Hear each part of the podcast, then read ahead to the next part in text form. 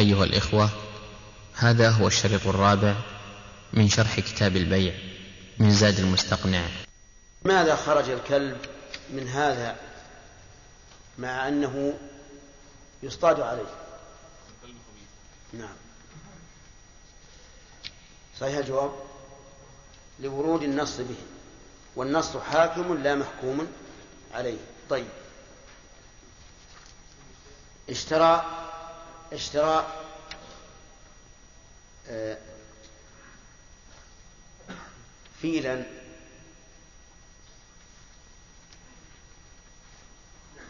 يجوز؟ إيش الفائدة منه؟ ها؟ الفيل صار طيب كيف؟ ما والله يلا يمشي الفيل ما عمرك شفت الفيل اي طيب. مثل إيش؟ صحيح. صح لأنه يستخدم لحمل أثقال. طيب. اشترى ثعلبا مصبرا. حام أحمد. ثعلبا مصبرا. لماذا؟ تصبير البهائم ما يجوز إيه، لماذا؟ هو يقول فيها نفع أخليه عندي يشاهده الناس بدل ما يبحث عن الثعلب ويروح يشوف صورته بالمنجد هذا غير مصور هو من خلق الله عز وجل فليس بصورة. مصبرا من أجل أن يفعله في هذا الصيد؟ مصبر تعرف المصبر محنط. لماذا؟ لأنه يجوز إذا كان للصيد هو ما هو بصايد وهو محنط الآن. الآن محنط. ميت. ما فيه إلا الجلد والهيكل فقط. ما في منفعة. ها؟ لا في منفعة. يشاهد الناس. يشاهد الناس. بدل ما يروح يبحث عنه في المنجد على طول يطالع. ليست النحل ما في نص. يعني غير التعليل.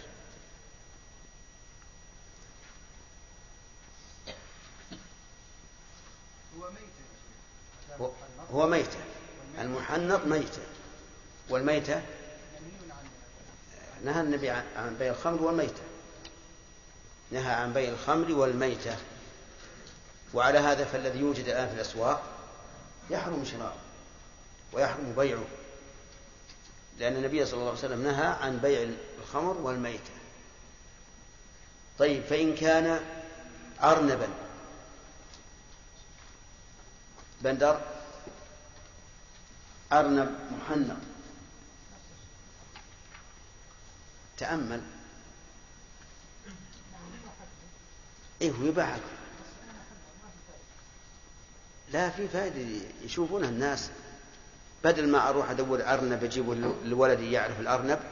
أقول شوفوا يا بني. ها؟ طيب. ها؟ طيب إذا حنط من دون تذكية بأن ضرب بإبرة أماتته وبقي هكذا فهو حرام لأنه ميتة. وإن وإن ذكي ذكاة شرعية ولكنه لم يسلخ جل- جلده وبقي فينظر هل هو من هل فيه فائدة أو لا؟ إن كان فيه فائدة جاز بيع شراؤه وبيعه وإلا فلا أما إذا حنط بدون زكاة شرعية فهو حرام لأنه ميتة طيب رجل عنده مصحف بخط اليد على المصحف العثماني أيجوز بيعه؟ المذهب لا يجوز لا يجوز لماذا؟ لأنه يعني بخس قيمة المصحف. ها؟ أقول تنقص قيمة المصحف. لا أبدا. غالي هذا مخطوط باليد. معنوية آه.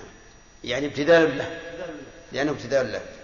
ويروى عن عن ابن عمر أنه قال وددت أن الأيدي تقطع في بيعه ففيه أثر ونظر. وهل هناك رأي آخر للملك؟ في رأي آخر؟ ما هو؟ نعم.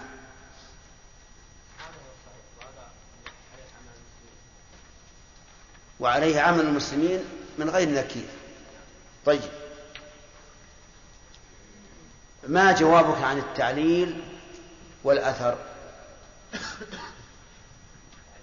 اي نعم. الذين قالوا إن بيعه فيه ابتذال له وكأن البائع رغب عنه ولا يريده ولا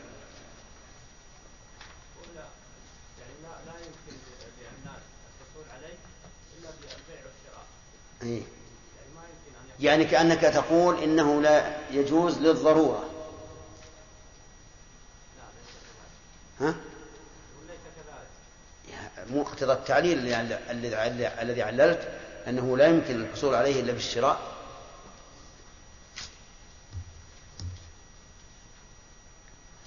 نعم سليم نعم أما إن كان بائع المصحف رغبة عنه واستغناء فهذا لا يجوز. طيب إذا كان رغبة عنه بارك الله فيك حتى لو وهبه. لا يجوز. إيه لا, لا هو باعه ورغبان لكنه يريد ثمنه. نعم هذا هذا المذهب لا يجوز. هو على كل حال الصحيح أنه جائز لأن المسلمين ما زالوا يتبايعون ذلك من غير نكير. لكن الكلام على الجواب من يقول إن هذا ابتذال له. لا نقول ليس ابتذال لأن البائع لا لا يقصد من ذلك العوض أن أن هذا القيمة مقابلة لما في المصحف وإنما لطباعته ولأوراقه.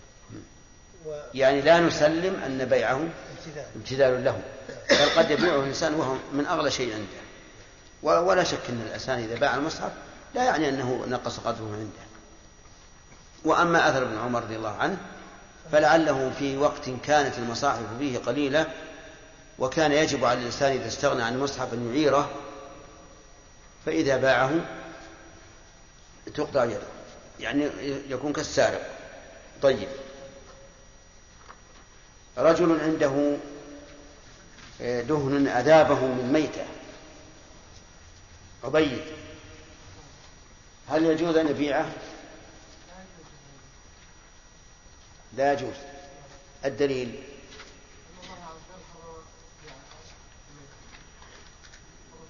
لكن هذا هذا عذاب الشحم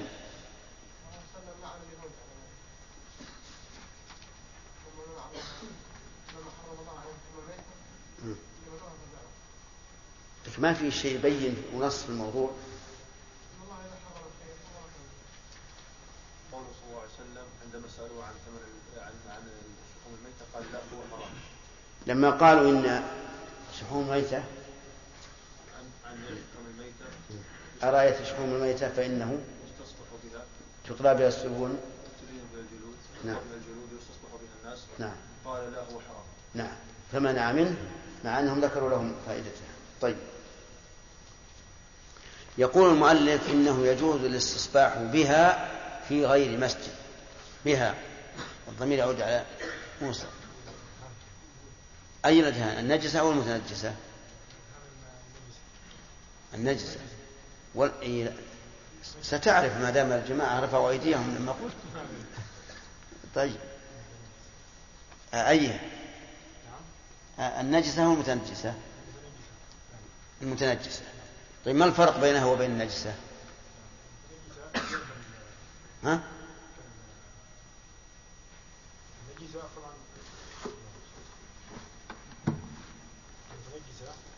نعم.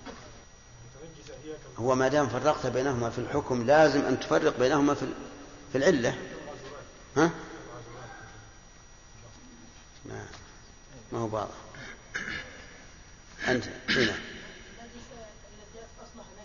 أي. طيب. طلعت عليها النجاسة. الفرق أن النجسة نجسة ذاتية من أصل والمتنجسة أصلها. طاهر فطلعت عليها النجاسة. هذا هو الفرق.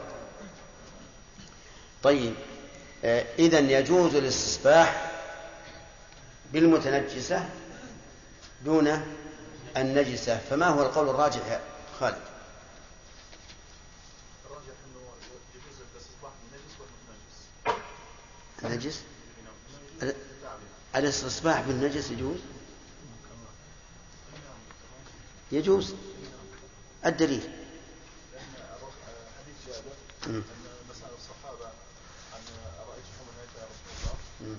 فقال لما سئل أرأيت شحوم الميتة فإنه طلب السبل نعم. لا هو حرام طيب أي. منعون توافقون على هذا الجماعة طيب آه إذا قلنا بجواز الاستصباح بها أي بالنجسة كالمتنجسة فهل يجوز أن نستصبح بها في المسجد؟ ما يجوز. وعلى القول الثاني كان يعني في قول. الثاني لماذا؟ لأن إذا قلنا بالاستحالة نعم. فإنه يجوز. إذا قلنا بأن النجس إذا استحال طهر فإنه يجوز. لأن حتى الدخان هذا يكون طاهرا. تمام. بارك الله فيك. يقول المؤلف من شروط البيع أن يكون من مالك أو من يقوم مقامه. فما هو الدليل على اشتراط أن يكون من مالك؟ أخذت يلا. طيب. ما وجه الدلالة؟ وجه الدلالة أنه لا يجوز لأحد أن يبيع لا يرضى أحد أن يبيع أن يبيع ملكه رجل آخر. طيب. صحيح. هذا من القرآن. من السنة.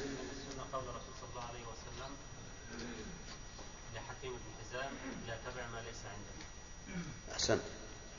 من النظر. كما قلنا أنه لا, لو جاز الإنسان أن يبيع. نعم. والعدوان. بارك الله فيك. أو من يقوم مقامه؟ الأخ. لا. أي نعم. من الذي يقوم مقام الناظر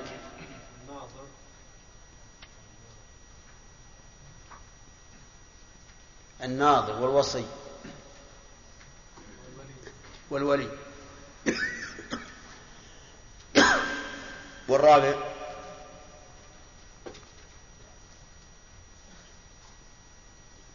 نعم. ها؟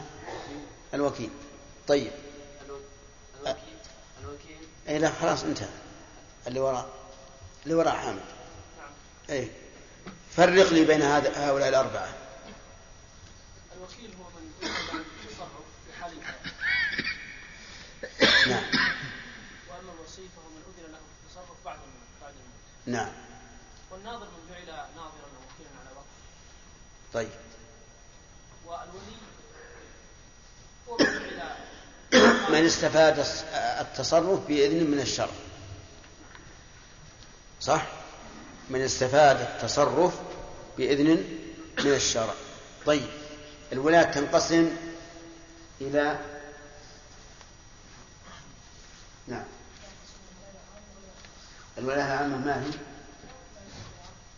نعم. كولاية القاضي. نعم.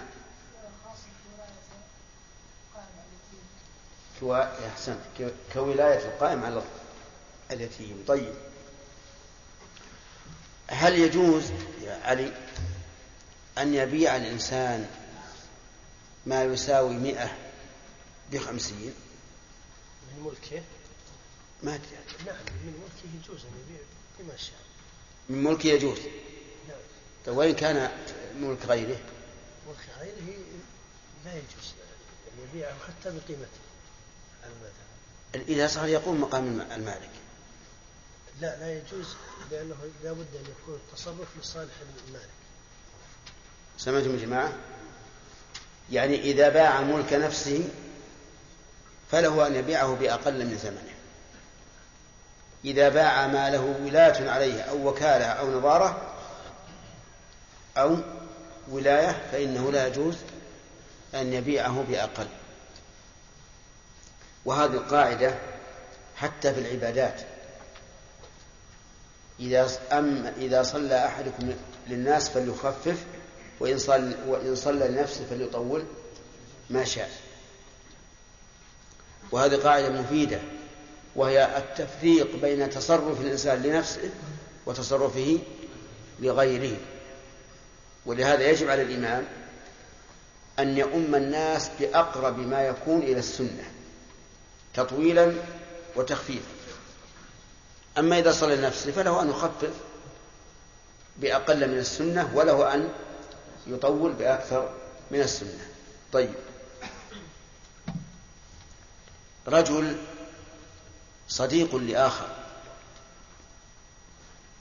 فرأى شخصا يريد أن يشتري سيارة صديقه بأضعاف ثمنها فباعها عليه فهل يجوز؟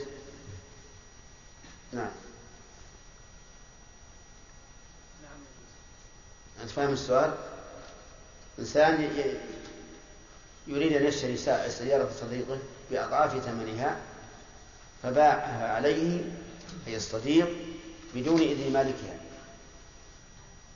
يجوز إن علم أنه سيوافق نعم. هذا كلام الأخ. طيب. المذهب لا يجوز. المذهب لا يجوز. إن باع ملك غيره فهو ما يصح مطلقا. ولو كان يعلم أنه يحب أن يبيعها وأن بيعها غبطة ومصلحة له. فإنه لا يجوز. وقولك إن على المذهب يعني أن هناك قولا. آه ما هو؟ أنه يجوز إذا علم أن يعني صاحبه يرضى أن فيه له مصلحة. والدليل حديث عروة بن الجعد النبي اشترى النبي صلى الله عليه وسلم. نعم. النبي صلى الله عليه وسلم أذن له بشراء شاة اشترى شاتين ثم باع أخرى بدينار وعاد بشاة ودينار أحسنت. فهنا باع ملك غيره. ولا لا؟ طيب. باع غيره وأجاز النبي صلى الله عليه وسلم تصرفه. وهذا القول هو الراجح. ما معنى قول المؤلف أو اشترى له في ذمته بلا إذنه ولم يسميه في العقد؟ صورة هذه المسألة الأخ اللي جنبك يا بندر.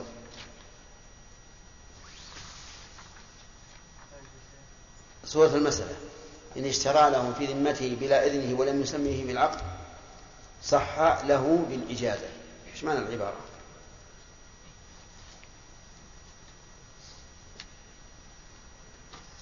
أو ما حضرت الدرس؟ طيب.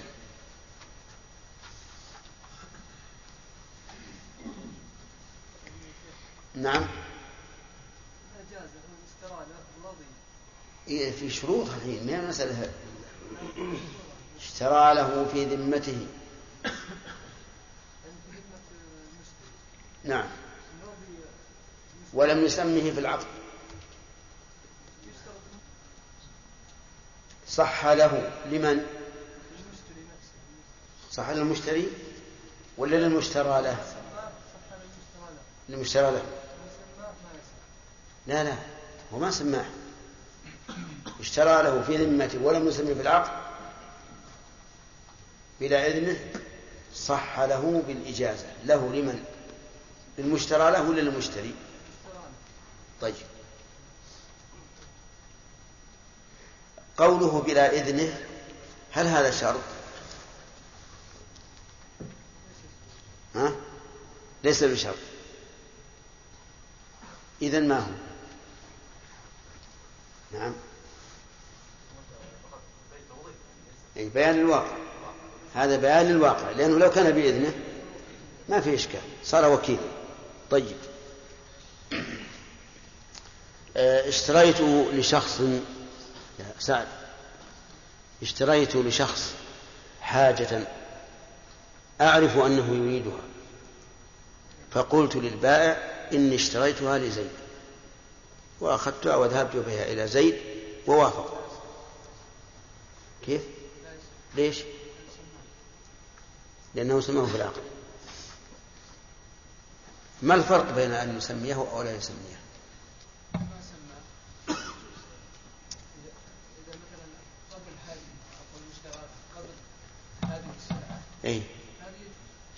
أما إيه لماذا إذا سماه لا يصح وإذا لم يسمه صح؟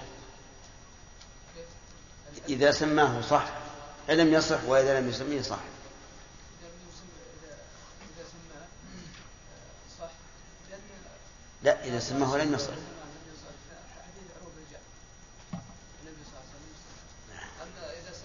سلامك سلام. لأنه إذا سماه جعل نفسه كالوكيل وهو لم أحسنت إذا سماه جعل نفسه كالوكيل وهو لم لم يوكله أما إذا لم يسمه فإنه جعل نفسه كأنه هو الذي اشترى لنفسه. ما معنى قول المؤلف ولزم المشتري بعدمها ملكا لزم المشتري بعدمها ملكا لازم نبني الأول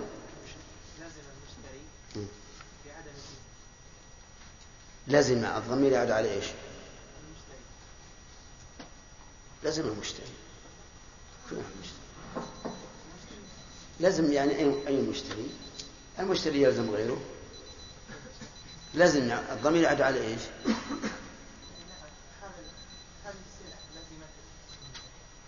لزمت. ما هو؟ إذا كان الضمير إذا قال اشرح. لزم على أي شيء يرجع الضمير. لازم أي. أو العقد. طيب. بعدم ها يعود على إيش؟ طيب. ملكا المشتري طيب هل يملكه من حين الإجازة من حين الرد ولا من حين العقد؟ من حين العقد. طيب حسن أظن ما يمدينا ناخذ درس الآن.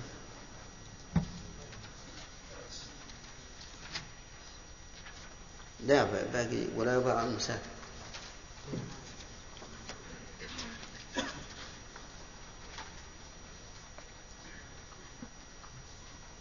طيب نناقش في الدرس الأخير وهو أن يكون مقتونا على تسليم ولا لا؟ لأن ما ناقشنا فيه أن يكون مقدورا على تسليمه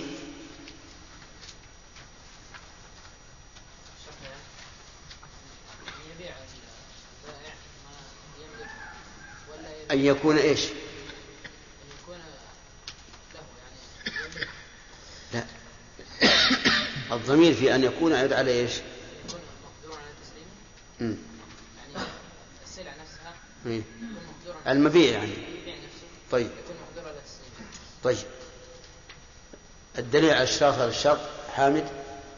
قول الله تعالى آه، إنما البيع والخمر إنما البيع أحل الله لا إنما الخمر والميسر والأنصاب والأزلام فمدلول الآية أن الميسر من الغرر. فلهذا حرم آه، فهو بمثابة الغرر الميسر. ما ما فهم ما فهمنا جيدا في دليل ثاني. هذا الدليل ثاني. قول الله تعالى يا أيها الذين آمنوا لا لا تأكلوا أموالكم بينكم الباطل إلا أن تكون تجارة عن تراض منكم. وهذا متراضين ها؟ متراضين. متراضين. لا في في غرض. طيب هات الدليل. يا شيخ.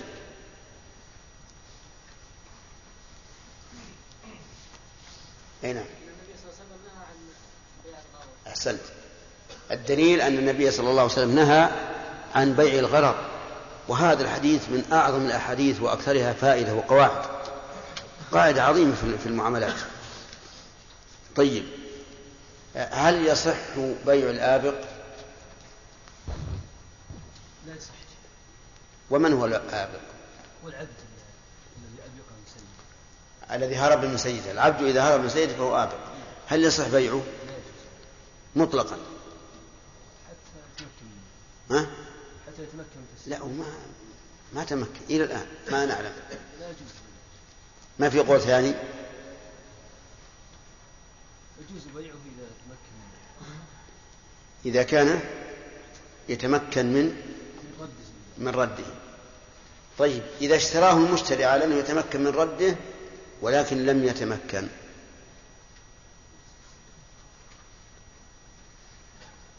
المذهب كما قلت أولا لا يصح أصلا.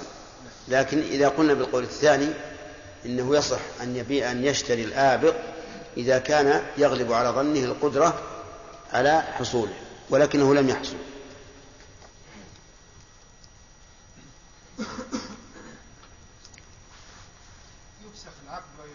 له له. تمام. صح. هل يصح بيع المعصوب هاني مطلقا. ها؟ مطلقا. محبوب؟ ها؟ بس الغاصب فقط؟ أو قادر على أخذه منه. طيب الغاصب هل يصح بيع المغصوب عليه مطلقا؟ أو في تفصيل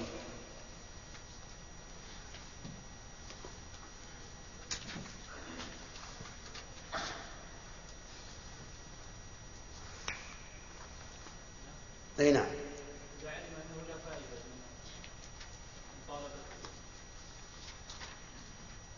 وشلون يعني ما فهمت يعني إما أن يأخذ إما أن يبيعه وإما لا يحصل شيء أي. يعني مثلا إذا قال غاصب أبيك تبيعه علي ولا أبنكر ها. قال إما أن تبيع علي وإلا أنكرت وأنت ما عندك بينة إني, إني غاصب. يصح البيع ولا ما يصح؟ ها؟ يصح.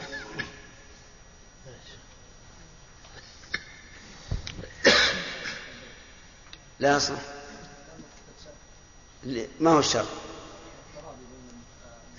تراضي. أحسنت تمام.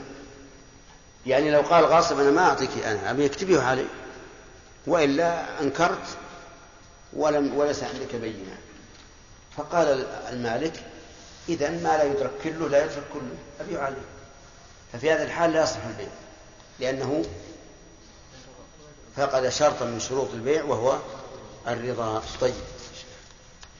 بالنسبة للعبد الآبق يا شيخ هل يجوز بيعه على من أراد عتقه؟ أي نعم. فقط. ولا يهمه أن يرجع ولا يرجع. نعم. إذا علم ذاك أنه حر. المذهب ولو أراد ذلك. لو أراد ذلك. وش العلة يا شيخ؟ نعم. العلة. العلة أنه يقول ما يصح أنه لا يصح العتق إلا إذا صح الملك. والآبق لا يصح ملكه بس المالك الأول بيع على يده. لا بس ما يصح. المذهب ما يصح. لكن على القول الثاني يمكن أن أن يكون صحيحا. نعم.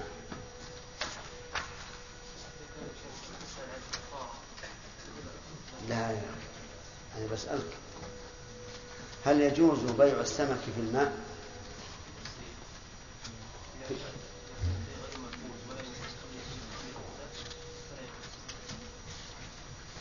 إذا كان في غير محوز فإنه لا يجوز. مثل السمك في البحر. وإن كان بمحوز يمكن أخذه جاز مثل نعم مثل أن يكون السمك في بركة يسهل أخذه. طيب.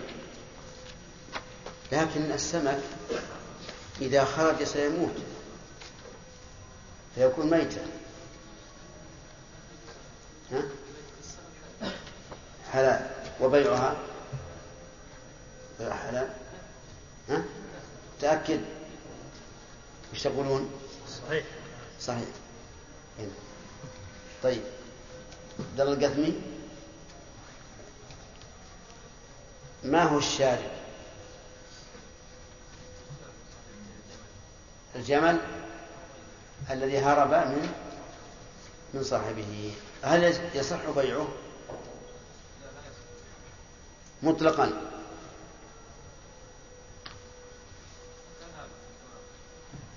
أي نعم المذهب مطلقا. والقول الثاني أن من استطاع رده جاز بيعه عليه. طيب. هذا صبي عنده حمام. اللي وراك يا بندر. اللي وراء أي صبي عنده حمام يطير في الهواء هل يصح بيعه؟ قل. ها؟ كيف؟ يطير في الهواء في الجو. نعم. بعد الأذان بعد الأذان. اللهم رب هذه الدعوة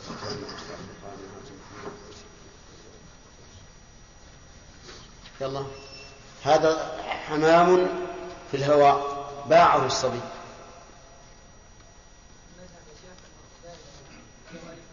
نعم. طيب فإن كان عنده وفي يده يجوز؟ تأمل.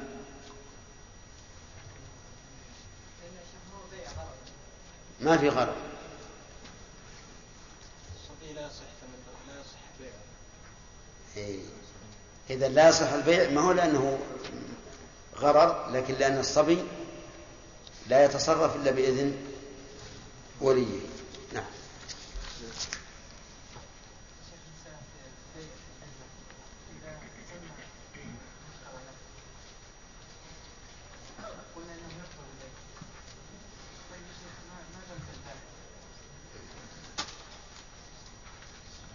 نعم إيه هو انه انه باع بيعا غير صحيح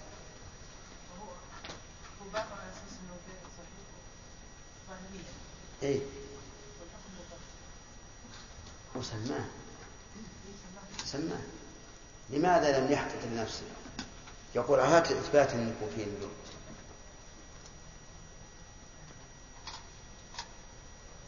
واضح؟ شيخ البائع ما عليه ضرر. عليه ضرر.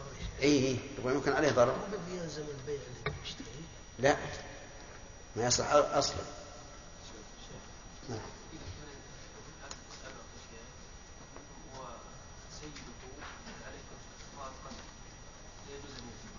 لا لأن كفارة القتل واجب. وهذا ملكه لم يسيطر عليه. وهذه هي هي مسألة عبد عبد بن غنام كان تعرف ما تعرف عبد بن غنام؟ أي ما تعرف. إذا ما تعرف أمثال أهل البلد. هذا عبد لرجل يسمى ابن غنام. كان سيده يؤذيه ويشق عليه. بالأمر والنهي يمكن يجيعه أيضا. في يوم من الأيام وقف على البئر وقال آه، قعر أو قال الركية سمى ركية. الركية ولا بن غنام. وألقى نفسه في البئر. فلما رآه سيده صاح أنت حر لوجه الله أنت حر لوجه الله؟ بعد ما كان بعد ما هلك الرجل. هنا هذا لا يصح يعني يشترط أن يكون ال- ال- ال- المحرر ينتفع بحريته جرب الناس الآن إن اطفال يشترون الحمام ويبيعون. هل نقول هذا العقد غير صحيح؟ لا. هذا مما مما أجيز عرفا. عرفا والعرف كالشرط. إذا كان مضطردا فهو كالشرط. اذا القاعدة يستثنى منها اي معروف. لها ما قالوا بلا اذن هذا إذن عرفي انتهى الوقت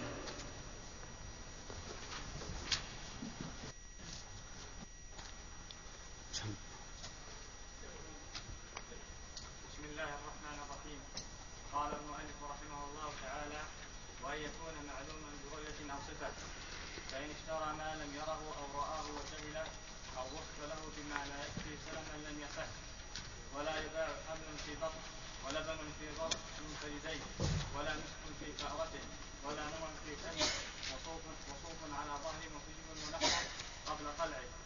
ولا يصح بيع الملامسة والمنابذة. ولا عبد من عبيد ونحوه. ولا استثناؤه إلا معينا وإن استثنى من حيوان يؤكل رأسه وجلده وأطرافه صح وأطرافه صح. بس. آه لكن وصلنا هذا. نعم. بسم الله الرحمن الرحيم. الحمد لله رب العالمين وصلى الله وسلم على نبينا محمد وعلى آله وأصحابه ومن تبعهم بإحسان إلى يوم الدين. أما بعد فإننا نعود بإذن الله وحوله وقوته وتيسيره إلى قراءة الفقه. وننسى الله أن يجعله عودا حميدا مباركا نافعا. ما تقول يا ياسر؟ في رجل باع مغصوبا أيصح البيع أو لا؟ لا يصح بيع المغصوب. يعني لو أن مالكه باعه مالك. ما هو الغاصب؟ لو أن مالكه باعه. أرض أو غير أرض المغصوب. أرض سيارة قلم ساعة. كتاب المالك باع ملكه المغصوب هل يصح أو لا؟ نعم. شراف. دعني من كلام المؤلف عطني اللي عندك بس زبدة. إن كان باعه لمالكه لغاصبه فيصح بشرط أن لا يمنعه إذا أراد نعم أو هذا واحد أن يبيعه إلى من يستطيع أخذه من الغاصب تمام. يعني إذا لا يصح إلا في في حالين. إذا باعه على الغاصب بشرط أن لا يمنعه الغاصب إلا بالبيع والثاني إذا باعه على قادر على أخذه. طيب. لماذا لا يصح عبد الله؟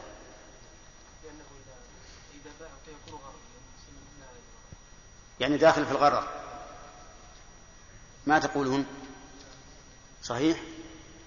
نعم لدخوله في الغرر لأنه قد يحصل عليه وقد لا يحصل. ولهذا ستجد أن ثمنه أقل مما لو كان حاضرا بين يديه. وبهذا نعرف أن الرسول صلى الله عليه وسلم أعطي جوامع الكلم حيث نهى عن بيع الغرر وهذا يشمل مسائل عظيمة كثيرة. طيب.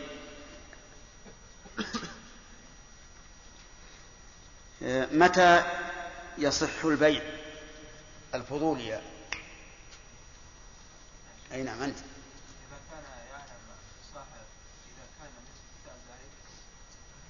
متى يصح بيع الفضول؟ إذا قبل الرجل اشترى له مطلقا أو بشروط. أجب قل مطلقا أو بشروط ثم بينها. أو قل لا أدري. ما نمس ما نبقى. طيب. نعم. عبيد. نعم. يعني بس قل بشروط أو بغير شروط. طيب. على المذهب بشروط. وكأن قولك على المذهب يشير إلى رأي آخر. فما هو؟ طيب. رأي ما سبقني ولا ما هو؟ يعني إذا أجازه صح البيع صح. طيب. المذهب بشرط أن يسميه في ذمته وأن لا يسميه في العقد. طيب. يلا سامح. ما الذي يدخل في قول المؤلف أو من يقوم مقامه؟ من هم؟ الوكيل والوصي. والولي. ها؟ والناظر. طيب. ما الفرق بين هؤلاء الأربعة؟ ما حضرت الدرس؟ محجوب. أولا الوكيل. الوكيل من أذن له بالتصرف في حال الحياة. كذا؟ طيب. والوصي؟ طاهر؟ أذن له. طيب. وسليم يبين لنا من هو الناظر؟ الناظر ينظر على الوقت. أحسنت. المتصرف في الوقت سواء بعد الموت ولا قبله. طيب. بقي عندنا الولي. عبيد. عبيد الله. صح. من يتصرف لغيره بإذن الشارع. بارك الله فيك. هل لنا دليل يا عبد الرحمن الريس على صحة تصرف الوكيل في دليل؟ علي؟ أن الرسول صلى الله عليه وسلم بعث عروة بن ليشتري له شاة دينار. فاشترى وكل عروة بن الجاد بالشراء. انتهى. بارك الله فيك. طيب. يقول المؤلف إنه لا يصح بيع نقع البئر. ما حضرت. كمال بيع نقع البئر. ما تعرف. نعم. لا ما معناه ما معناه ما معنى هذا. يعني الماء الذي في البئر لا يصح بيعه. طيب. دقيقة. كلمة نقع البئر هل يفهم منها أن هذا الماء لو لو أنه غرف بساقية أو غيرها جاز بيعه؟ اي نعم نعم. أحسنت. تمام. ما هو الدليل على عدم الجواز؟ قول النبي صلى الله عليه وسلم الناس شركاء في ثلاثة الماء والكلاء والماء طيب تمام. طيب آه، هل مثل ذلك الأنهار؟ ما حضرت لا حول. محجوب أخذت؟ وش رافي أخذ؟ اخذت عبد الله؟ نعم. نعم. مثل الأنهار. طيب لو جذب بساقية من النهر إلى بركة عنده هل يبيعه؟ لماذا؟ طيب لأنه حاز آخر ما قرأنا الشرط الخامس وقفنا عليه. ها؟ السادس قال المؤلف رحمه الله تعالى الشرط السادس هذا مبتدأ درس الليلة. الشرط السادس أن يكون المبيع أن يكون المبيع معلوما برؤية أو صفة.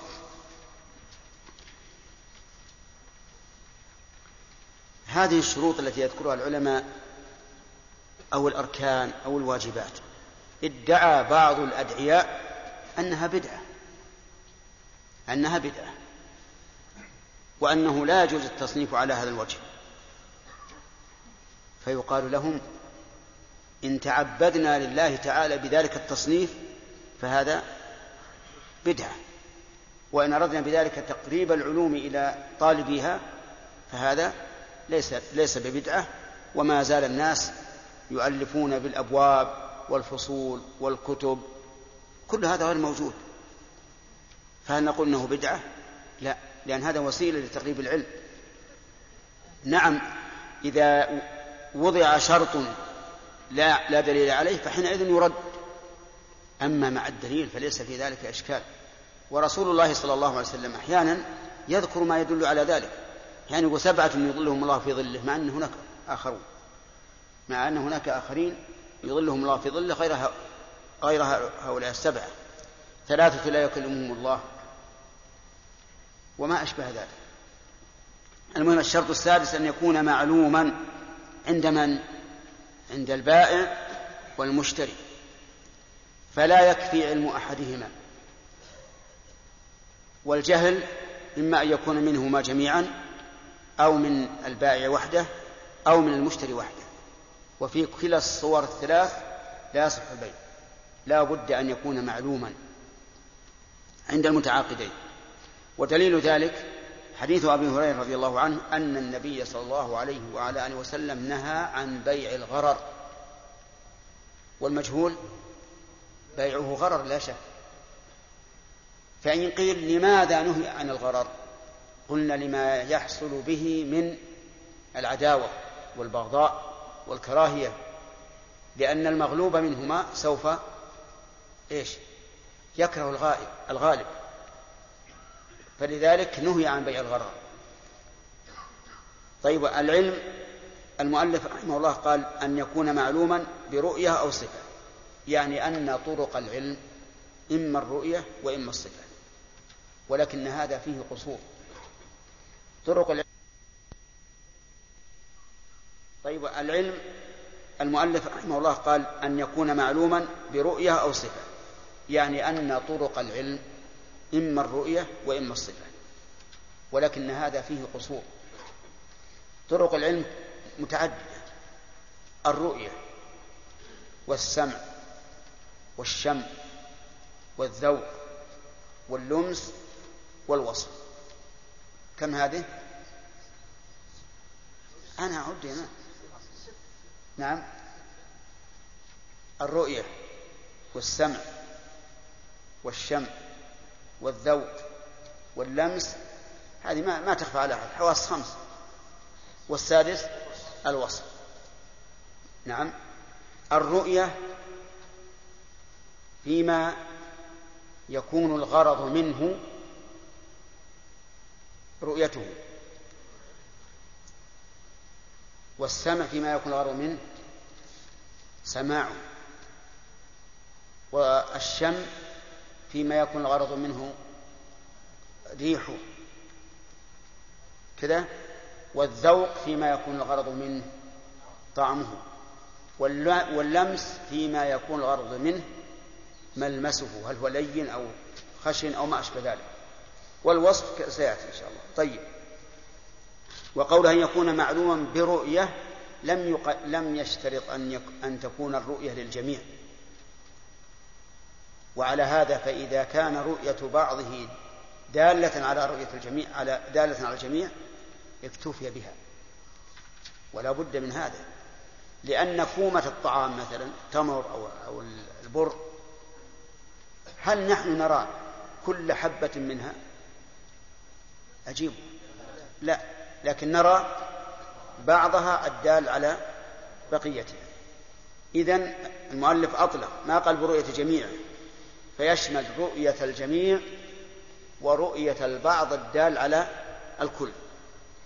واضح؟ طيب. يقول ب... إيه نعم برؤية. هذه الرؤية متى تكون؟ تكون حين العقد. يعني لا بد أن يراه حين العقد أو يراه بزمن لا يتغير فيه المبيع تغيرا ظاهرا بعد الرؤية انتبه فمثلا لو رأى لو رأى رطبا قبل يومين وعقد عليه البيع الآن فهل تكفي الرؤية السابقة قبل يومين؟ لماذا؟ لأنه يتغير. لو باع لو رأى بطيخة قبل يومين ثم عقد عليها البيع اليوم فكذلك لا يصح لأنه في خلال هذه المدة يتغير. إذن الرؤية محلها عند العقد أو قبله بزمن لا يتغير فيه المبيع. طيب الثاني يقول أو صفة. يعني وهذا الوصف لا بد أن يكون معلوما بالوصف. ودليل الاكتفاء بالوصف حديث ابن عباس رضي الله عنهما قال قدم النبي صلى الله عليه وعلى آله وسلم المدينة وهم يسلفون في الثمار السنة والسنتين. فقال من أسلف في شيء فليسلف في كيل معلوم ووزن معلوم إلى أجل معلوم. فالعلم بالمسلم فيه هنا بالرؤية أو بالوصف. انتبهوا يا أخوان لا تستعجلوا بالإجابة. بالوصف ولا بالرؤية؟ ليش؟ لأن السنة والسنتين وفي الثمار. الثمار كيف يراها وهي لم لم تخلق الآن. طيب إذن يكون العلم بالوصف. ولكن لا بد أن يكون الموصوف مما يمكن انضباطه بالصفة. هذا شرط. ولا بد أن يضبط بالصفة. هذا الشرط الثاني. يعني البيع بالصفة أضيق من البيع بالرؤية أو أو ما يتعلق أو ما يشبهها. لا بد أن يكون إيش؟ مما يمكن انضباطه بالصفة. ولا بد أن يضبط بالصفة أيضا.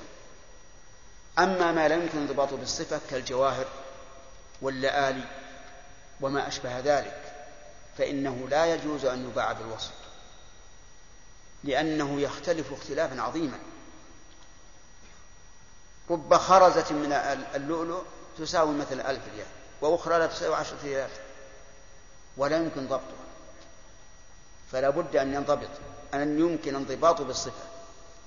ولا بد أن يضبط أيضا بالصفة بحيث تحرر الصفة تحريرا بالغا حتى لا يحصل اختلاف عند التسليم. طيب هل يمكن انضباط المصنوعات؟ انضباط المصنوعات يمكن؟ ها؟ يمكن. يمكن ومن أضبط ما يكون. كالأباريق والفناجيل والأقلام وما أشبهها. هذا يمكن انضباطه. وقد يكون انضباط المصنوعات أكبر بكثير من انضباط البر والتمر. كما هو ظاهر. طيب و لكن إذا قال قائل الناس يسلمون في الثمار في عهد الرسول صلى الله عليه وسلم. ومن المعلوم أن انضباطه بالصفة على وجه دقيق جدا أمر لا يمكن إما متعسر وإما متعذر. قلنا ما يغتفر فيه الجهالة اليسيرة فإنه لا يضر. لا يضر. طيب. بيع بيع النموذج تعرفون النموذج؟ ها. آتي مثلا بصاع أو ربع الصاع أو فنجال من البر.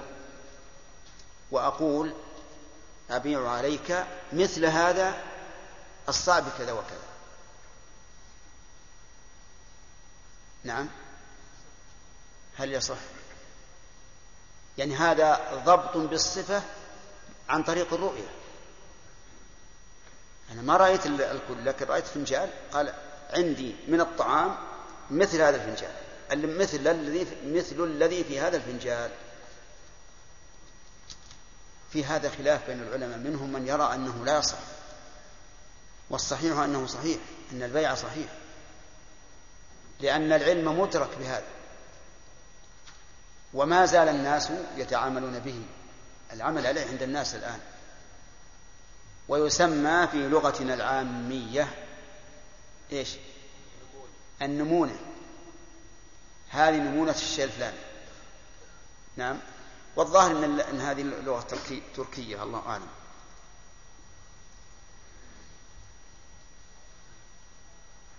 قال فإن اشترى ما لم يره.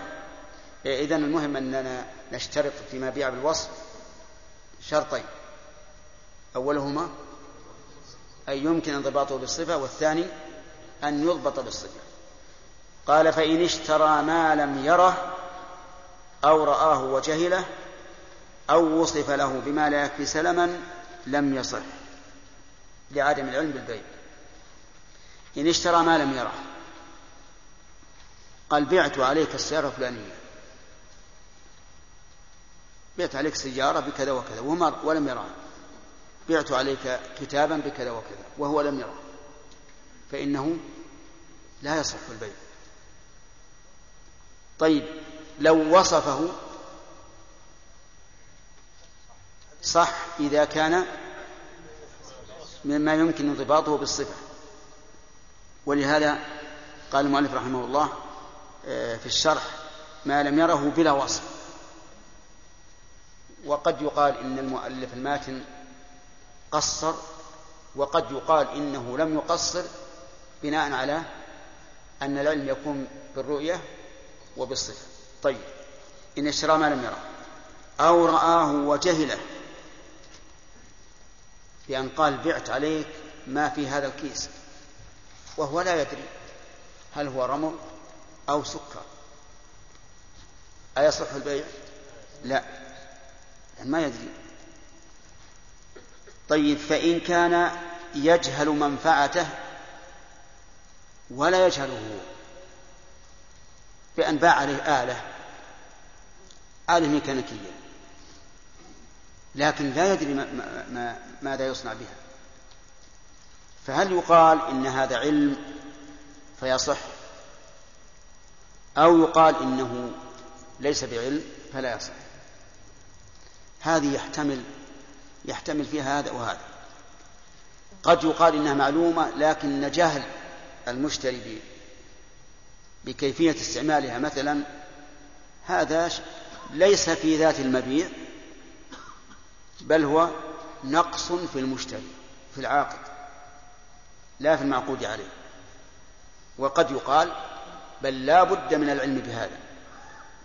لأنه يأتي إنسان غريب يشوف الآلات هذه وهذا ولا شغلوا أمامه قامت الآلات هذه تتحرك. يقول هذا شيء يصنع القنابل ولا الطيارات. فيشتريه بغالي الثمن.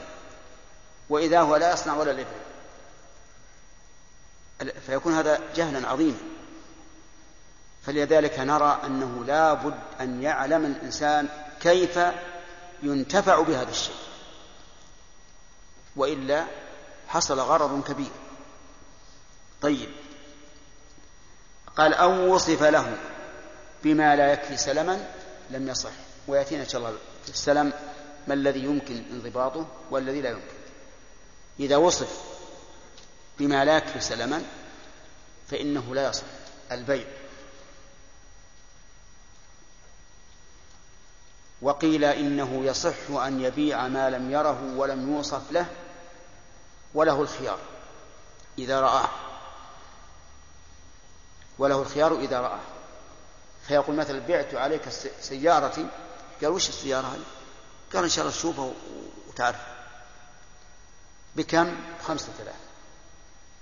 طيب اشتريت على المذهب؟ لا يصح. لأنه لم يرها ولم توصف له. ومذهب أبي حنيفة رحمه الله أنه يصح. البيع. ويكون للمشتري الخيار إذا رآه. يكون المشتري الخيار إذا رآه. وهذا هو الصحيح. هذا هو الصحيح. وهو شبيه ببيع الفضول. فإذا فإذا كان له الخيار إذا رآه فهل عليه نقص؟ ليس عليه نقص. طيب إذا قيل كيف الطريق؟ إلى تصحيح البيع على القول الأول. نقول الطريق أنه إذا رآه عقد عليه من جديد وهذا هو الذي يتبين به أو تظهر به وهذا هو الذي تظهر به ثمرة الخلاف بين القولين. فعلى القول بالصحة يكون نماء هذا المبيع ما بين عقد البيع ورؤيته لمن؟ المشتري وعلى الرأي الثاني يكون النماء للبائع لأن البيع لم يصح. نعم. يقول ولا يصح بيع حمل في بطن ولبن في ضرع منفردين. الحمل في البطن لا يصح بيعه. إذا بيع منفردا لأن النبي صلى الله عليه وعلى آله وسلم نهى عن بيع الغرر وهذا غرر. فإن الحمل قد يكون واحدا أو أكثر وقد يكون ذكرا أو أنثى وقد يخرج حيا وقد يخرج ميتا. فالجهالة فيه كبيرة. ولهذا نقول إنه داخل في العموم وهو قول الرسول صلى الله عليه وسلم الأخ أين أنت. يا ناس. وهو أن النبي طيب. وورد النهي عنه بخصوص أن النبي صلى الله عليه وسلم نهى عن بيع الحامل أو الحوامل. طيب. وكذلك اللبن في الضرع. لا يصح. لا يصح بيع اللبن في الضرع. لماذا؟ لأنه مجهول. أولا قد تدر الدابة وتوافق على أن تحلب وقد وقد لا تدر ولا توافق على أنها تحلب. في بعض البقر إذا أرادوا أن يحلبوها منعت منعت إما برفسها برجلها وإما بأن تنطح بقرنها وإما أن تمنع تمنع اللبن. يسمونها الرفع ما ما تحجب أبدا. فلذلك يكون مجهولا. ثم إذا قدر أنه انتفت هذه الموانع فكم مقداره؟ حلبنا كم مقداره؟ نعم مجهول. يكون مجهول. والمسألة بسيطة. نقول بدل أن تبيعه في الضرع أو أن تشتريه في الضرع بدل أن تشتريه في الضرع انتظر حتى حتى يحلب. أحسن وأسلم وقول المؤلف منفردين. مفهومه أنهما إذا بيعا مع الأم. إذا بيعا مع الأم في الحمل ومع ذات اللبن في اللبن فالبيع صحيح بشرط أن لا يفرد بعقد. فيقول بعتك هذه الشاة الحامل وما في حملها وما في, في بطنها لأن المؤلف اشترط أن يكون منفردين. فمفهومه إذا كان تبعا جاز. طيب وهل إذا قال بعتك هذه الحامل وما في بطنها هل هذا بيع انفراد؟ نقول نعم لأنه نص عليه. وهو إنما يجوز إذا كان تبعا لإيش؟ للأم. وكذلك يقال في اللبن. وفي وقد أخذ الفقهاء من هذا قاعدة وهي يثبت تبعا ما لا يثبت استقلالا. طيب. و قال ولا يباع مسك في فأرته. المسك لا يباع في فارته وش الفارة هذه؟ الفارة الوعاء. وعاء المسك يسمى فأرة. وذلك أنه مجهول والمسك غالي. إن قدرته بالوزن فهو قد تكون الفارة سميكة. إن قدرته بالحجم فكذلك. فلا يباع المسك في فارته. والفأرة غير الزجاجة. الفأرة وعاؤها وعاء المسك المنفصل من غزال المسك. وذلك أن من الغزلان ما يسمى بغزال المسك. وكيفية ذلك على ما حدثنا به شيخنا رحمه الله عبد الرحمن بن سعدي أن هذه الغزال آه، تركب ومع شدة ركضها وشدة تعبها ينزل من بطنها صرة صرة من الدم. ثم يربط تربط هذه الصرة برباط قوي جدا بحيث لا يصل إليها الدم. الدم اللي هو دم الغذاء. وإذا مضى عدة أيام انفصلت. انفصلت من الجلد فأخذوها. فإذا هذا الدم الذي احتقن بهذه الصرة هو المسك. وفي ذلك يقول المتنبي فإن تفق الأنام وأنت منهم فإن المسك بعض دم الغزال. نعم. هذا هذا هذا ما ما قاله المؤلف إنه لا يصح بيع المسك في فأرته. والقول الثاني في هذه المسألة أنه يصح بيعه في فأرته. لأن هذه الفأرة وعاء طبيعي فهي كقشرة الرمانة ومن المعلوم أن الرمانة يصح بيعها ووعاؤها قشر. هذا القشر قد يكون فيه مثلا شيء من الشحم كثير وقد يكون فيه شيء قليل. ثم إن أهل الصنف وأهل الخبرة في هذا يعرفون يعرفون إما باللمس والضغط عليه أو بأي سبب. المهم أن القول الثاني صحة بيع المسك في فأرته وهذا هو الصحيح. ما هو المسك والفارة يا أخي؟ أي وفارته؟ وعاء طيب. يقول وكذلك لا يصح بيع نوى في تمر. تعرفون النوى؟ معروف. طيب. لو أن إنسان عنده إناء فيه تمر. وقال له آخر بعني نوى هذا التمر أنت ستأكله؟ فبعني نواه. قال نعم أبيعك النوى. فإن البيع لا يصح. لأنه كالحمل في البطن. كالحمل في البطن. طيب وصح بيع التمر؟ بنواه. كما يصح بيع الحامل بحملها. طيب لماذا لا يصح بيع النواه بالتمر لأنه مجهول فيكون داخلا في بيع الغرر. وتعرفون النوى أنه يختلف حتى في في في النوع الواحد. ربما تأكل تمرة فتجد فيها نواة كبيرة وربما تأكل تمرة من هذا النوع بل من الإناء نفسه فتجد فيها نوى صغيرة. لذلك لا يصح بيع النوى في التمر.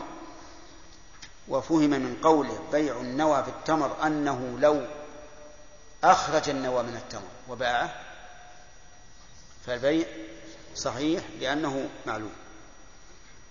ولا صوف على ظهر. الصوف على الظهر لا يجوز بيعه. لحديث ورد في النهي عنه. ولأنه جزء من الحيوان أو متصل بالحيوان فلم يجز بيعه كبيع الجزء من الحيوان.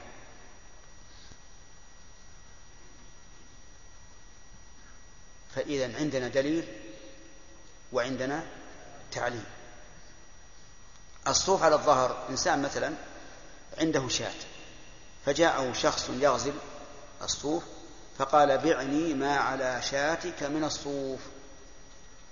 فباعه عليه. يقول لا يجوز. وش فيه؟ نعم. في يقول لأنه لأن النبي صلى الله عليه وسلم نهى عنه. ولأنه متصل بالحيوان فلم يجوز بيعه كالجزء من أجزائه كما لو باع اليد أو باع الرجل أو ما أشبه هذا. ونحو القول الثاني أنه يصح بيع الصوف على الظهر لأنه مشاهد معلوم ولا مانع من بيعه. لا يشمل بيعه على محذور وهذا القول هو الصحيح. فإن قال قائل ما الجواب عن الحديث الذي استدل به وهو حديث ابن عباس؟ قلنا الجواب إن صح الحديث. فإنما نهي عنه لأنه قد يتأذى الحيوان بجزه ولا سيما إذا جز في أيام إيش؟ الشتاء. فيكون النهي ليس لعلة الجهالة ولكن لعلة الأذى. هذا إن صح الحديث. وأما القياس وهو أنه متصل بالحيوان فهو كجزء من أجزائه فجوابنا على ذلك من وجهين. الوجه الأول أننا لا نسلم منع بيع الجزء المعلوم المشاهد المشاهد. كبيع الرأس مثلا وبيع الرقبة وبيع اليد من العضد. يعني لا نسلم أن أن بيع هذا حرام. لأنه إيش؟ مشاهد معلوم وليس فيه غرر ولا جهاله الشيء الثاني أنه لا يصح القياس لأن الشعر أو الصوف في حكم المنفصل. فكيف يجعل الآن في حكم الجزء؟ والعجب أن الفقهاء رحمهم الله قالوا إن مس المرأة لشهوة ناقض للوضوء ومس شعرها لا ينقض الوضوء. قالوا لأنه في حكم المنفصل. ما هذا التناقض؟ فالقول الراجح في هذه المسألة أن بيع الصوف على الظهر جائز لكن نشترط أن لا يلحق الحيوان أذى فإن لحق الحيوان أذى منع لا لأنه مجهول ولكن لأذى لأذى الحيوان. طيب يقول رحمه الله ولا صنع ظهر ولا فجل ونحوه قبل قلعه. الفجل معروف كذا يا عبد الله. ما فهمت إنه الفجل طيب. آه لا يصح بيع الفجل حتى يقلع من الأرض ويشاهد لأنه لأنه مدفون في الأرض. فلا يصح. قد يكون كبيرا وقد يكون متوسطا وقد يكون صغيرا. وقوله ونحوه مثل إيش؟ البصل والجزر. وأمثال هذا كثير. نعم؟ بطاطس؟ عجيب. البطاطس مدفون إيه. طيب. على كل حال كل ما المقصود منه في الأرض فإنه مجهول لا يصح بيعه. حتى يقلع.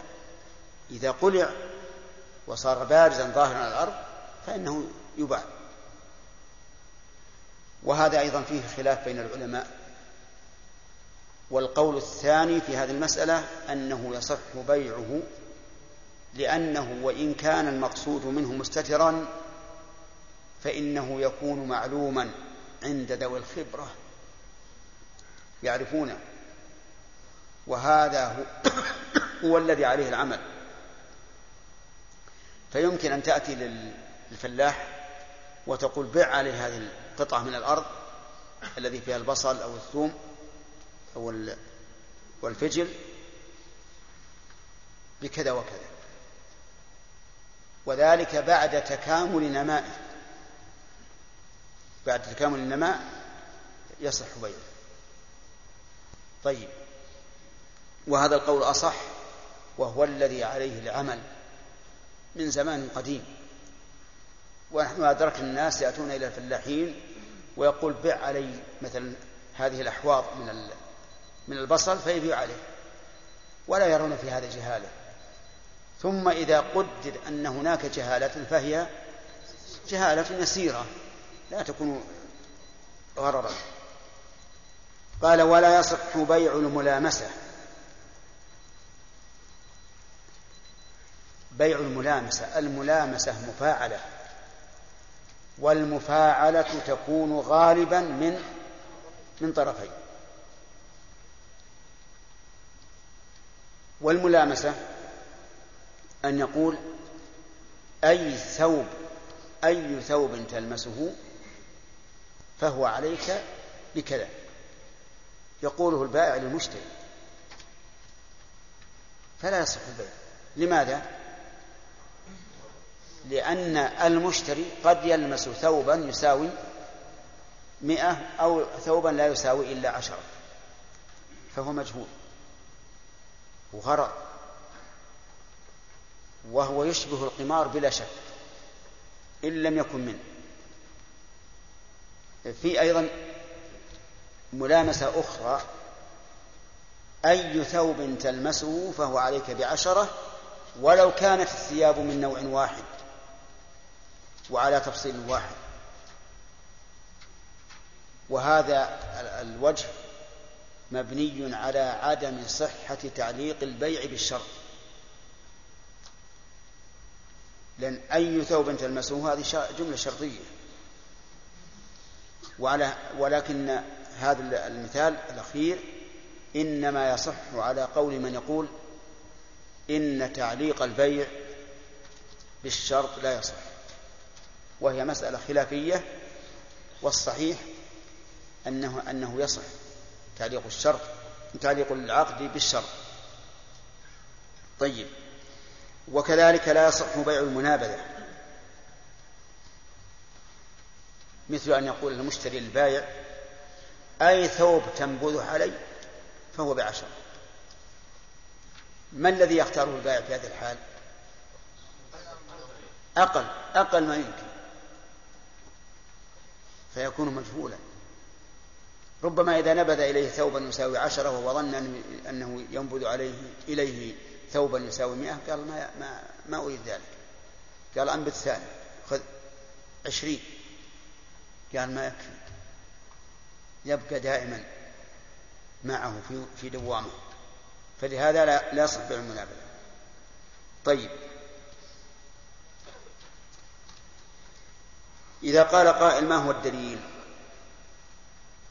قلنا الدليل عام وخاص. أما العام فحديث أبي هريرة أن النبي صلى الله عليه وسلم نهى عن بيع الغرام. وهذا الحديث سبحان الله قاعدة عظيمة. وفيه أيضا نهي خاص أن الرسول نهى عن بيع الملامسة والمنابذة. طيب بيع الحصاة مثله. بيع الحصاة لا يصح. وله صورتان. الصورة الأولى أن يقول احذف حصاة فعلى أي شيء تقع فهو بعشر فحذف الحصاة فوقعت على علبة كبريت فارغة. كم تكون؟ بعشرة وحذف حصاة أخرى فوقعت على حلي مرصع بالجواهر. يساوي آلاف آلافا. إذا في جهالة ولا لا؟ في جهالة هذه صورة. الصورة الثانية أن يقول احذف هذه الحصاة فأي فأي مدى بلغته من الأرض فهو لك بكذا. هذا أيضا مجهول لأنه يختلف الحال.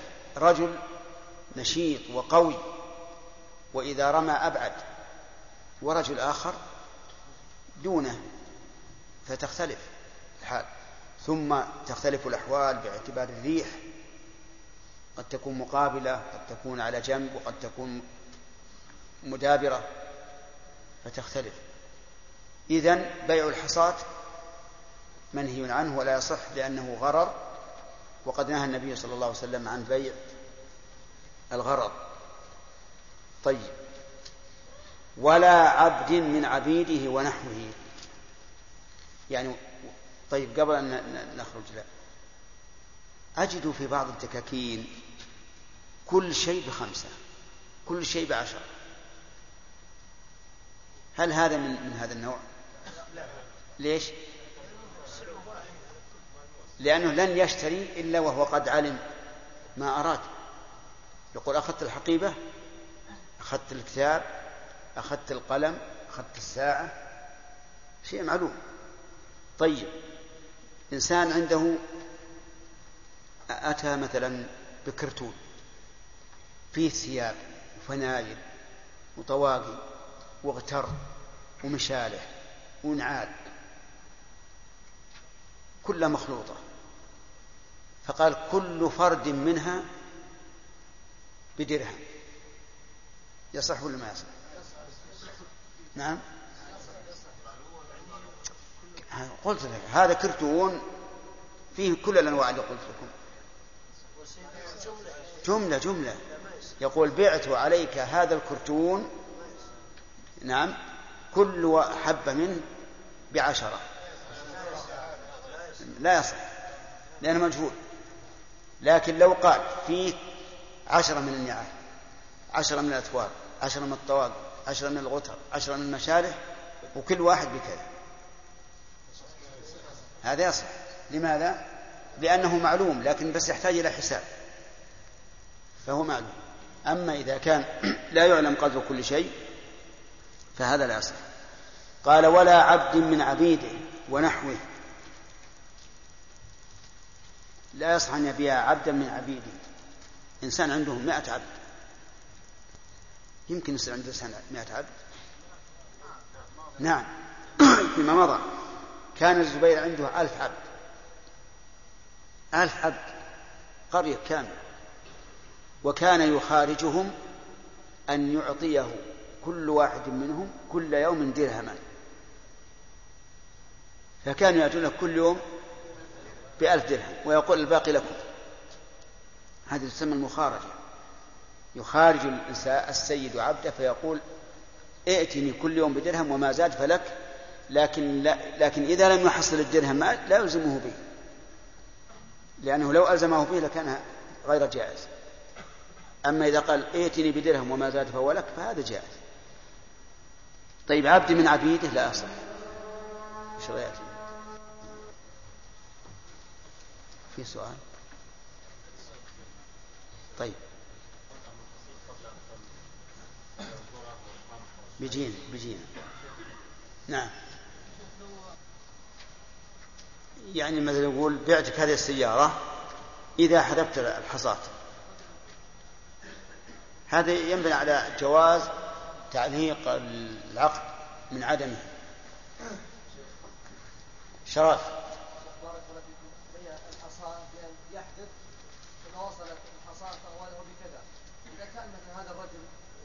معلومة بالثقل والجو الريح معلومة فيه ويعني يعلم قوة حذفه أي. صار يسير جدا أنت الآن بنفسك تحذف حصاة وتبلى ما بلغت والهواء ساكن وتحذف مثلها بالضبط حجما وثقلا وتختلف. نادر ما هو نادر؟ والله ما ما هو بنادر. ما هو بنادر ابدا. هو نادر يا جماعة ما هو نادر. نعم؟ بس انتهينا خلاص. نفي واثبات يا شرافي. اي نعم إذا اتفقوا على هذا ما ما, ما يمنعون. لو قرنا أنا أشك بأنه من نوع واحد. أريد أن تفرغوا في الأرض حتى يتبين. ما. بشرط أن لا يكون فيه إفساد الله إن كان فيه إفساد الله فالرسول نهى عليه الصلاة والسلام عن إضاعة المال. إيش؟ نعم نعم نعم؟ كيف؟ إيه؟ لا لا سبحان الله يعلم هو ذكر ولا وغير ذلك يعني أنت الآن عندك عندك إناء فيه سكري تعرف السكري؟ ها؟ تمر سكري أحيانا تكون النواة في هذه التمرة كبيرة وأحيانا تكون صغيرة. بل بعض الأحيان نجد فيه نواتين إيه نعم. هذا توأمين يعني. نعم. إيش؟ نعم. لا مو شرط. قد ينبذ آه، المشتري ينبذ الثمن. ها؟ كلها. ما ما هو شرط مو شرط المثال لا يقتضي الحصر. حيوان نفسه هل هو احتياطا للحديث إذا صح أم لشيء آخر؟ اولا أنا أريد أن تصحح السؤال. إذا قلت هل اشتراطكم يعني أنك قمت مقام المناظر لت- ل- لاستاذ لا يعني قصدي هل من اشتراط من اشترط؟ لماذا لا تقول اشتراطا؟ نعم طيب. طيب هل اشتراط يعني آه، أبي احتياط من الحديث من إيش؟ من إيش؟ من حديث النبي صلى الله عليه وسلم أم لأجل شيء آخر؟ لا بل هو من من استدل من استدل بعموم الحديث. قد يقول هذا يدخل في العموم إذا صح. لكن نحن نقول إذا صح فالمراد مع أذية الحيوان. الخيار ما يصح؟ ما يصح. ولا مع الخيار؟ نقول اصبر ما دام لك الآن لك الخيار إذا إذا إذا نزل اصبر. لأن يعني ما يترتب على هذا شيء. حمل نماؤه بيصير مستمر ولا هو مك... إنسان كاسب منه شيئا. نعم. سمع عبد الله عامر. بسم الله الرحمن الرحيم. الحمد لله رب العالمين صلى الله وسلم على محمد وعلى آله وصحبه أجمعين. ولا يصح بيع الملامسه والمنابذة ولا عبد من عبيده ونحوه ولا فإبناؤه إلا معينا وإن استثنى بائع من حيوان يؤكل رأسه وجلده وأطرافه كيف يا عبد الله إيش هذا الكلام؟ يؤكل رأسه؟ أين شيء يؤكل رأسه ولا يؤكل بقيته؟ وإن استثنى بائع من حيوان يأكل رأسه وجلده وأطرافه وهذا أرجع الحيوان ما يأكل رأسه لا ما أسمع أعد وإن استثنى بائع من حيوان طيب ما يؤكل؟ امشي رأسه وجلد وجلده. خطأ. هنا شيء ما يقول رأسه جلده لأن أنا قلت رأسه صار نائب فاعل. معناه أنه يؤكل رأسه. وغير رأسه. وغير رأسه جلده بس إذا قلت يؤكل رأسه معناه اللي غيره ما يؤكل. رأسه صح. ما الذي نصبه؟ ليش؟ لا يا أخي. يؤكل مبين المفعول أو لما لم يسمى فاعل. أحسنت. مفعول به للاستثناء وإن استثنى بائع من حيوان يؤكل رأسه وجلده وأطرافه صح. ها؟ شرح شرح شرح. أن جاء بها لأجل لعلها تصح العبارة. متن؟ متن؟ لكن كلمة بائع داخلة في المتن عندك؟ هي صحيح الشرح عندي مدخل مدخل. نعم. وعكسه الشحم والحمل في جوفه بس بسم الله الرحمن الرحيم الحمد لله رب العالمين وصلى الله وسلم على نبينا محمد وعلى آله وأصحابه ومن تبعهم بإحسان لا يوم الدين. ما هو بيع الانموذج وهل هو صحيح يا أحمد؟ نعم. نعم. أن يأتي بشيء من مبيع ويقول أبيع عليك ما هذا بعضه مثلا زين المذهب أنه لا يصح والصحيح أنه يصح. كما أنه لو رأى أعلى الكومة أجزى عن بقيتها فهذا مثله. طيب يشترط أن يكون المبيع معلوما وكذلك الثمن كما سيأتي فما هو الدليل على هذا الشرط؟ أنت؟ أي أنت.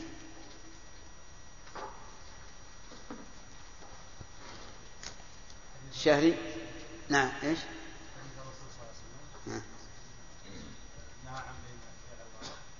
أن النبي صلى الله عليه وسلم نهى عن بيع الغرض والجهالة جهالة الثمن جهالة المبيع غرر ولا ولا واضح؟ غرر تمام باع صوفا على ظهر لماذا؟ لحديث ابن عباس رضي الله عنهما أن رسول الله صلى الله عليه وعلى آله وسلم نهى عن بيع الصوف على الظهر والتعليل أيضا لأن فيه دليل وتعليل.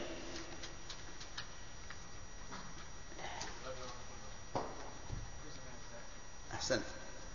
أنه جزء من الحيوان فهو كجزء أنه متصل بالحيوان فهو كجزء من أجزائه. هل هناك خلاف ظاهر؟ يجوز بيع الصوف على الظهر طيب لو قال قائل ما الدليل على الجواز؟ الدليل عدم الدليل. طيب. الأخ.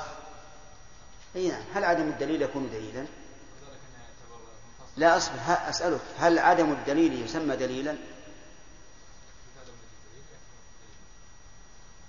كيف؟ عدم. دليل عدم الدليل كيف؟